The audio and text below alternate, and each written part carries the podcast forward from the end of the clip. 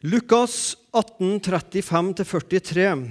Da Jesus nærmet seg Jeriko, satt en blind mann ved veien og tigget. Mannen hørte at det var mye folk på veien, og spurte hva som sto på.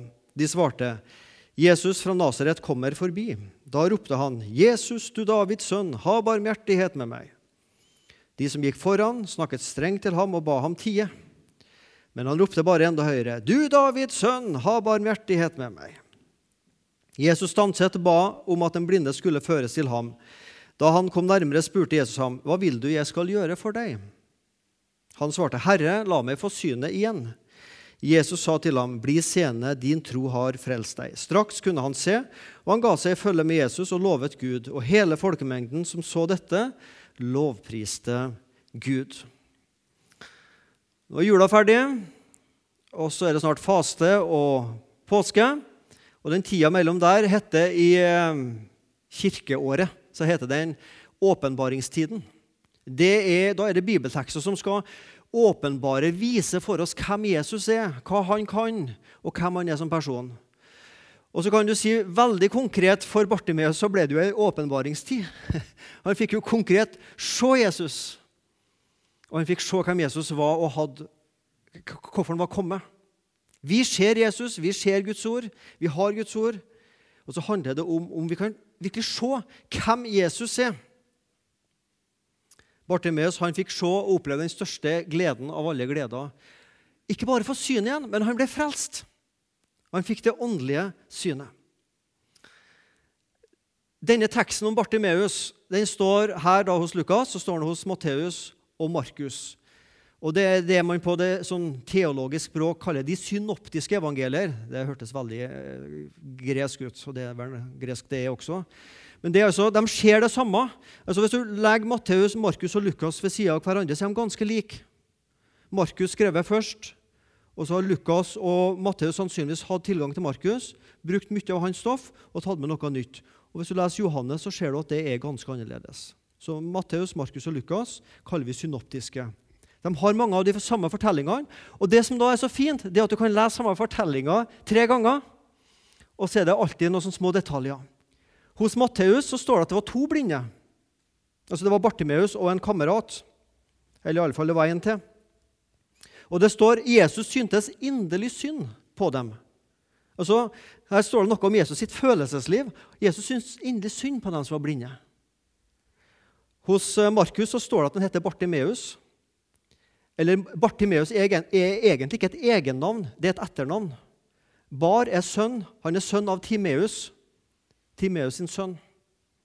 Timeusen, hvis du skulle ha gitt den norsk etternavn i dag. Og så står det også at Jesus sier, 'Be han komme hit'. Og så står det noe veldig fint som ikke står hos Lukas. Folket som hadde bedt ham tie, sa, 'Vær ved godt mot, reis deg, han kaller på deg'. Så de som først sa 'hysj', de sa etter hvert 'Hit, kom hit, kom til Jesus'. Så det skjedde også noe med det folket som først hadde bedt Bartimeus tie. Da Jesus nærmet seg Jeriko, satt en blind mann ved veien og tigget. Tigge. Har du noen gang tigga i livet ditt? Ja, Vi har vel alle bedt om et eller annet. Og da vi var små, så kanskje tigga vi litt ekstra om noe, kanskje noe penger til å gå og kjøpe oss lørdagssnop. hva vet jeg, Men jeg var i hvert fall blant dem som gjorde det. Men den som tigger, det er jo den som mangler noe som er livsviktig, og som man sjøl ikke er i stand til å få tak i. Det er jo da man tigger.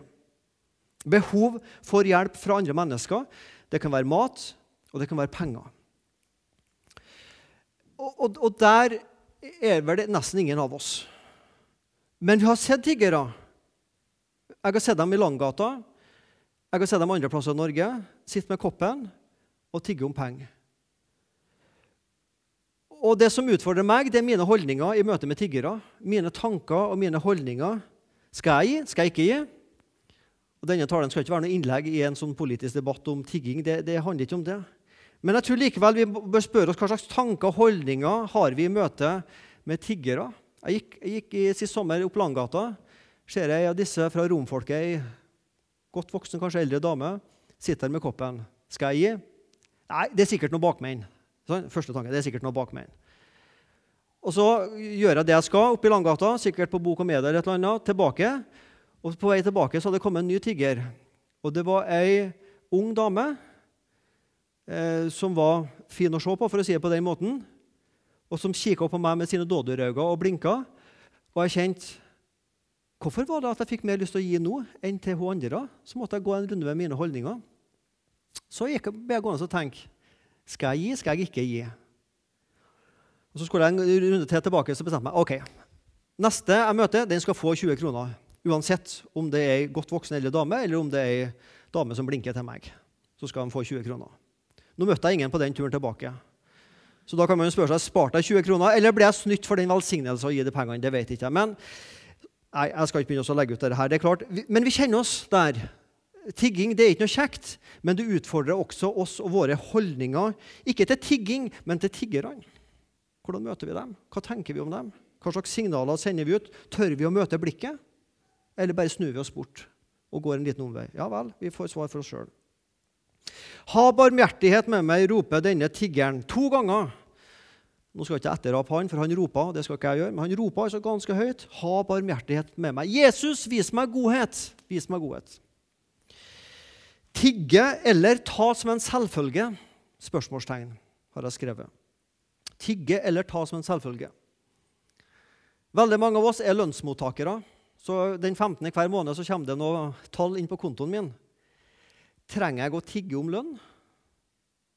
Nei, den har jeg fortjent. Jeg har arbeid for lønna mi. Den trenger ikke jeg å tigge om. Lønna er fortjent, forhåpentligvis. Men tilgivelse for synd, det trenger du og jeg å tigge om. For det er ikke fortjent. Ingen kan si 'Gud, jeg fortjener å bli tilgitt av deg'. Og Hvis du har tenkt sånn, så bør du tenke på nytt igjen. Det at Gud tilgir oss, det er nåde. Det er ikke fortjeneste. Det må vi tigge om. Det har ikke vi fortjent. Nåden må vi passe oss for å ta som en selvfølge. Tigger du om nåden, eller tar du nåden som en selvfølge? At Gud bare må stille opp? Nei, Gud må ikke stille opp. Det er ingen plikt for Gud å stille opp og tilgi oss. Forsoninga det gjelder alle mennesker, men vi må sjøl be om å få del i den. Det er ingen automatisk frelse for alle mennesker. Den må vi spørre om å få del i. Nåden er gratis, men den er ikke billig. Nåden er gratis, men den er ikke billig. Den kosta Jesus alt. Den kosta Jesus livet. Den må vi be om, tigge om, og ikke ta som en selvfølge. Pass oss for å ta nåden som en selvfølge, men vi må tigge om den, og så må vi takke. Tigge og takke.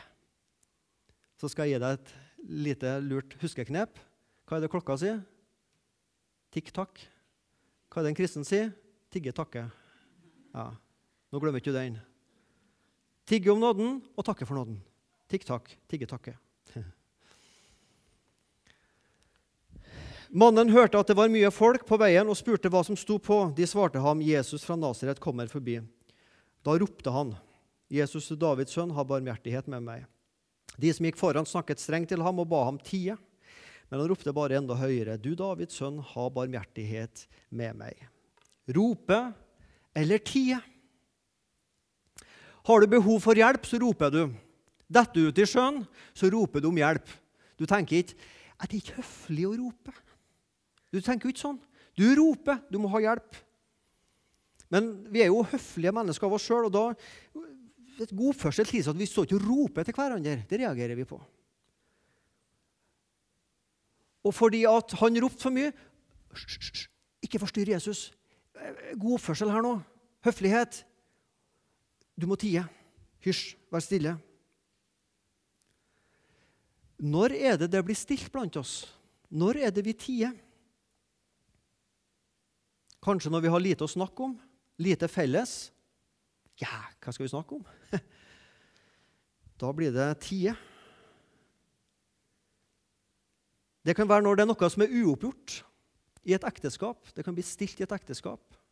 Det er et eller annet som ligger og skurrer. Det er vanskelig å snakke sammen. Så tier vi. Ektefeller, venner. Gud. Jeg har noe uoppgjort med Gud, og så tier jeg. Kong David, da jeg tiet, tærte seg bort. Han ville ikke snakke med Gud om det som han hadde gjort galt. Og han kjente det gjorde vondt innvendig. Når er det vi tier? Det kan være når noe er tabu, noe ikke skal snakkes om. Noe i slekta, kanskje, eller et eller annet som er litt sånn Det snakker vi ikke om. Tabu. Når, noe, når det er farlig å være uenig, da tier vi heller. Det å tie kan være bra mange ganger. Men det å tie kan også være ganske talende. For det kan si noe om noe som er uoppgjort. Det kan si noe om en underlegenhetsfølelse, at man tier om noe. For en, eh, for en ukes tid siden så var jeg oppe og Søsteren min har forska en del på dette med samer. Eldre samer og helse og identitet. Det var ganske interessant å sitte og høre på. Hun hadde skrevet en avhandling på det. Og Hun hadde vært og intervjua dybdeintervjua 19 samer oppe i Nord-Norge, to forskjellige kommuner. Og hun sa, Det som slo henne, var at spesielt hos eldre, hos eldre samer så var det mange som tia om at de var samer, for det var en skamfølelse. Det var fornorskningsprosess. Du skulle lære norsk, du skulle ikke vise at du var samisk, så måtte du tie om det. En underlegenhetsfølelse. Men så skjedde noe i Norge i løpet av de siste tiårene at i dag er det en annen stolthet med å være same. Så i dag tør man å snakke om det. Men hos mange eldre er det en sånn dobbelthet. Du skjemmes litt nesten over at du er en same, og så tier du. Identitet. Hvordan er det å bekjenne seg som en kristen? Er det noe vi tier med, for er, det noe vi skjemmes over? Kjenner vi oss litt underlegen? Da tier vi. Eller samfunnet ber oss tie i det offentlige rom. Det er ikke plass for religion. Vi må ikke snakke om tro i det offentlige rom. Vi må tie med sånne ting. Det er den private sfære. Men i det offentlige rom så skal det liksom ikke snakkes om. Han ropte, og han lot seg ikke tie. De ba han tie, men han ropte bare enda mer. Da stanset Jesus og ba om at den blinde skulle føres til ham. Da han kom nærmere, spurte Jesus ham, 'Hva vil du jeg skal gjøre for deg?' Han svarte, 'Herre, la meg få synet igjen.' Jesus stopper. Og det syns jeg er flott.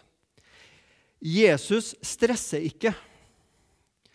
Nå står ikke ordet 'stresse' i Bibelen. Men jeg kan vanskelig se for meg Jesus sprenge fra den ene byen til den andre. Fort gjennom Jeriko. Vi må forte oss opp til Jerusalem.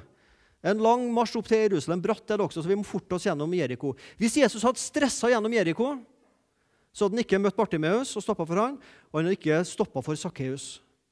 Denne dagen så ble Bartimeus frelst, og Sakkeus ble frelst. Jesus stopper. Jesus har tid. For Jesus så er mennesker det viktigste. Ikke saker, ikke papirer, ikke prinsipper.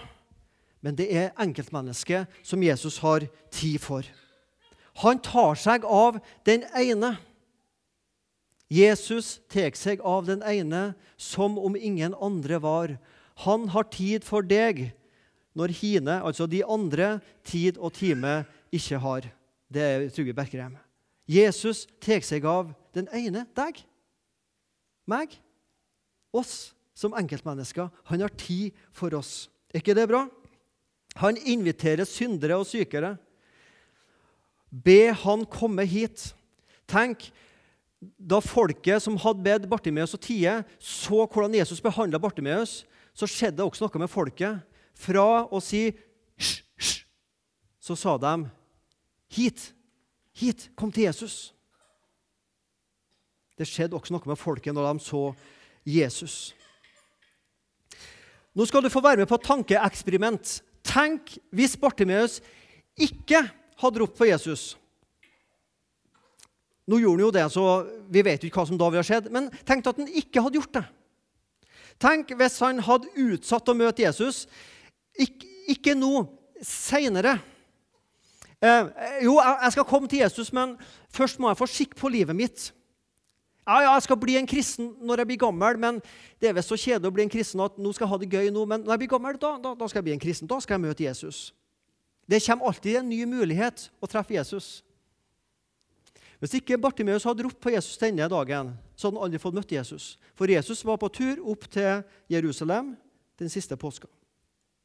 Dette var Bartimeus sin sjanse, og han grep anledningen. Når passer det å rope på Jesus?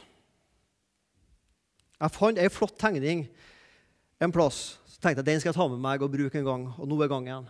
Når passer det for deg å tenke på Gud? For ung til å tenke på Gud? For populær til å tenke på Gud? For selvsikker til å tenke på Gud? For tøff til å tenke på Gud? For lykkelig til å tenke på Gud? For stresset til å tenke på Gud? For trett til å tenke på Gud? For gammel til å tenke på Gud? For sent til å tenke på Gud?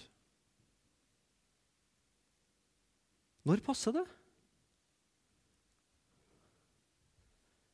Jeg er sikker på det som er poenget med tegninga her. Det er én dag, en dag, så passer det. Ikke nå. Nå er jeg for ung, nå er jeg for stressa, nå er jeg for opptatt med sånn. En, en dag så passer det. Det passer aldri. Og så en dag er det for sent å tenke på Gud.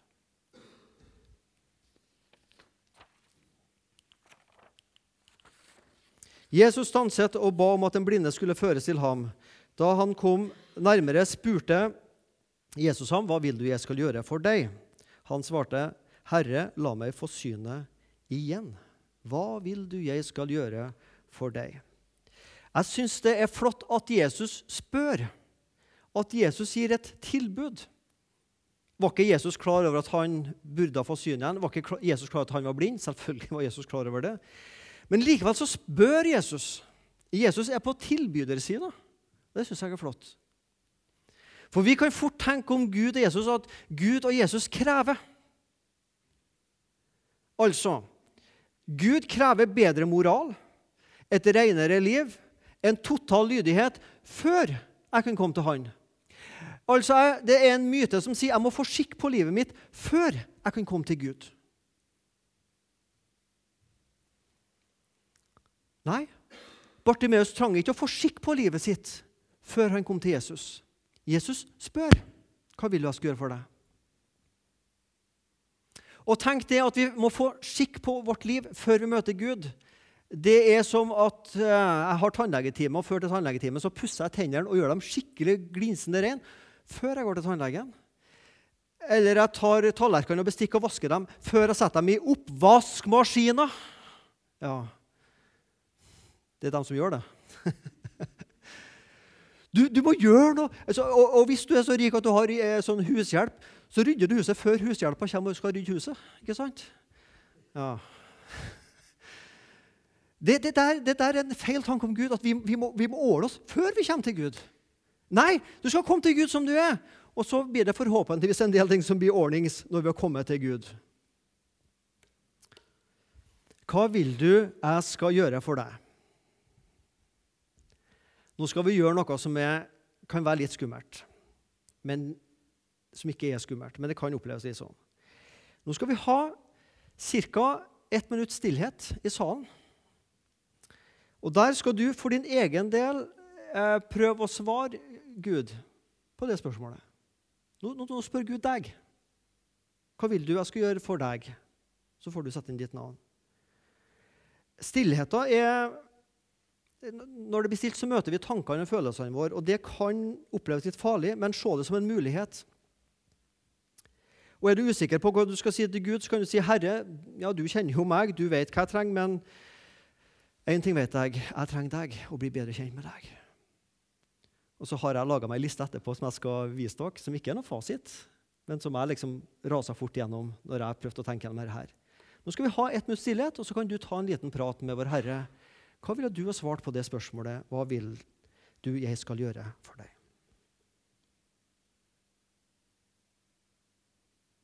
Ett minutt kan være veldig lenge når det blir stilt. Men jeg er sikker på at vi trang den tida til å roe oss litt ned og tenke gjennom hva egentlig ville jeg ha svart Jesus på sånne spørsmål. Og så har jeg tenkt for min del før denne preka, så jeg laga meg ei lita liste og som dere fort vil skjønne, det er litt humor der og litt uh, alvor. Så, um, og det er ikke noe fasit, for det fins ikke noe fasit. Men så det er jo vi som er fasiten, våre følelser, våre ønsker som er fasiten. Så her er min uoffisielle liste. Mer penger, iallfall mindre lån. Finere, sterkere kropp, eller kanskje var det god helse egentlig jeg var ute etter. Snillere barn, mer forståelsesfull ektefelle. Eller kanskje var det meg sjøl som var problemet, hvis det var et eller annet som skar seg i heimen. At laget mitt skal vinne Tippeligaen. Og Jeg har jo lovt dere at jeg skal ikke nevne navnet på det laget, så derfor skriver jeg laget mitt, så kan du sette inn ditt navn der. Dere er så lei at jeg sier navnet på det laget oppe i Trøndelag, så det skal ikke jeg gjøre. Bedre karakterer på skolen. Ja, nå går ikke jeg på skolen, men kanskje det jeg trenger, bedre karakter. Egenskaper, holdninger. Du vet, Det kan du jo si dere som er lærere til elever som ikke får så gode karakterer. Det er ikke karakterene som teller, men det er karakteren. Tok du den? Bevare meg og min familie slekt fra sykdom og ulykke. At jeg kan være mer åndelig. Hva er det for noe? Men liksom, jeg skulle ønske jeg var mer åndelig. Sånn tenker jeg av og til. Mer ydmyk, ja, det er kanskje dette det er. Mer ydmyk, mer frimodig som kristen, mer kraft, mer kunnskap og mer visdom til å bruke den kunnskapen på en fornuftig måte. Framgang for misjonssang, flere misjonærer, mer penger til Misjonssambandet. Var det noen som satt med følelsen at nei, nå var det et hopprenn, så kom jeg litt skjevt ut av hoppkanten, men så tok jeg meg litt inn ned i svevet og landa rimelig bra? ja, som jeg sa, Det er litt spøk her og litt, eh, litt alvor. Men Mitt poeng er vi trenger ikke alltid å si de store åndelige tinga. Altså, hva vil du jeg skal gjøre for deg? Det var jo åpenbart for Bartimeus. Jo, få synet igjen. Han kunne sagt jo, at jeg må tenke mer over Guds ord og bli en mer frommere person. Jo, det trang han sikkert, men han trang synet. Og det er en trang. Og Sånn kan vi få være konkret og ærlig med Jesus. Dette trenger Jesus. Og Hvis du ser at det er til det beste for meg, så svarer du ja på bønna. Ser du Har du en bedre vei, så svarer du nei på bønna, så gir du meg noe annet i stedet. Og få leve i den tryggheten. Jeg kan få be om hva jeg vil, og Gud svarer ja på det han ser er beste for meg. Det er bønnens trygghet og bønnens frihet. Be om hva jeg vil, og så vet jeg at Gud vil gi meg det han ser er best for meg. At det er trygt, og det er friheten.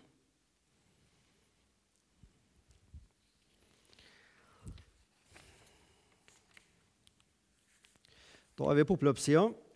Jesus sa til Bartimeus, 'Bli seende, din tro har frelst deg.' Og straks kunne han se, og han ga seg følge med Jesus. Lovet Gud, og hele folkemengden som så dette, lovpriste Gud. Din tro har frelst deg. Det er ganske mange personer hvis vi begynner å telle etter i Bibelen i Nytestamentet, som fikk høre det av Jesus. Det var flere som kom til Jesus med et eller annet, og så sier Jesus disse ordene. Din tro har frelst deg. Og Det er så viktig når vi snakker om tro, at vi forstår at tro er et relasjonsbegrep. Det høres veldig fint ut. Altså, jeg har ei sterk tro eller jeg har ei svak tro. Nei, det blir feil. Vi har aldri tro, men vi har tro på noe. Tro forholder jo seg til noe annet. Du tror jo ikke i, i, altså, Jeg tror i meg sjøl, men jeg tror på noe. I relasjon til Gud. Jeg tror på Gud, på Jesus Kristus. Jeg tror på korset. Jeg tror på Guds nåde. Tro er ingen egenskap. Den er bare 70 nå. Hvis jeg tar meg sammen og blir et bedre menneske, så blir den 80% Nei, tro er tillit. Jeg har tillit til Jesus. Det er tro. Tro er å ha tillit til at Jesus kan hjelpe. Tro er å ha tillit til at Jesus kan tilgi meg synder. Tillit til at Jesus kan frelse meg fra Guds vrede over synder. Og tillit til at Jesus kan frelse meg fra fortapelsen til himmelen. Og så videre, og så videre. Tro er ingen egenskap jeg utvikler. Tro er et relasjonsbegrep, og det er tillit til en annen person. Din tro har frelst deg. Egentlig kunne det godt stått 'din tro på Jesus Kristus' har frelst deg. For det var jo det som frelsa han. Ikke graden av tro, hvor varm eller hvor sterk den trua var, men at det var en tro som hadde retning mot Jesus Kristus. I Misjonssalen så har dere hørt meg mer enn én en gang snakke om de fire t-ene. Å tro, å tilhøre, å tilbe og tjene. Det er vår visjon for denne forsamlinga, at vi skal være en forsamling der vi som tror, blir sterkere i troa, at nye kommer til tro, at vi tilhører Gud og fellesskapet, at vi tilber Gud, og at vi tjener hverandre. Og Når jeg så på denne teksten her med Bartimeus, så møter vi egentlig alle disse t-ene hos, hos eh, Bartimeus. Din tro har frelst deg. Han kom til tro. Han ga seg i følge med Jesus. Han begynte å tilhøre Jesus Kristus og følge han. Og jeg er sikker på Han var med opp denne tre-fire milene det er fra Jeriko og så beint opp nesten opp til, Jericho, nei, opp til Jerusalem og den siste påska. Det kan godt hende at Bartimeus sto ved korset og så på denne mannen som hadde gitt ham synet noen dager i forveien. Han trodde, han tilhørte, han tilba, og han lovte Gud. Og hele folkemengden som opplevde dette, lovpriste Gud, står det. Og jeg er sikker på at Bartimeus brukte resten av sitt liv til å tjene andre mennesker. Sikkert blinde mennesker som hadde problemer, så brukte han resten av sitt liv til å tjene mennesker. Tro, tilhøre, tilbe og tjene. Og så var det denne klokka, da. Tigge og takke. Da har du fått to t-er til å tygge på i dag. Herre Jesus Kristus, takk for at jeg kan få lese om mennesker som kom til tro på deg. Bartimeus. Takk for at det er trosstyrken for oss som bekjenner oss til deg. Takk, Gud, for at vi ikke bare er medlem i et register, men, men vi tilhører den levende Gud og frelseren Jesus Kristus. Og I dag vil vi tilbe og elske, og vi vil tjene mennesker Jesus. Ikke alltid vi føler så sterkt for å tjene. Vi er egoistiske, altfor lenge, det er Jesus. Men gi meg mer av den holdninga å tjene andre mennesker. Tigge om nåden og takke for nåden i Jesu navn. Amen.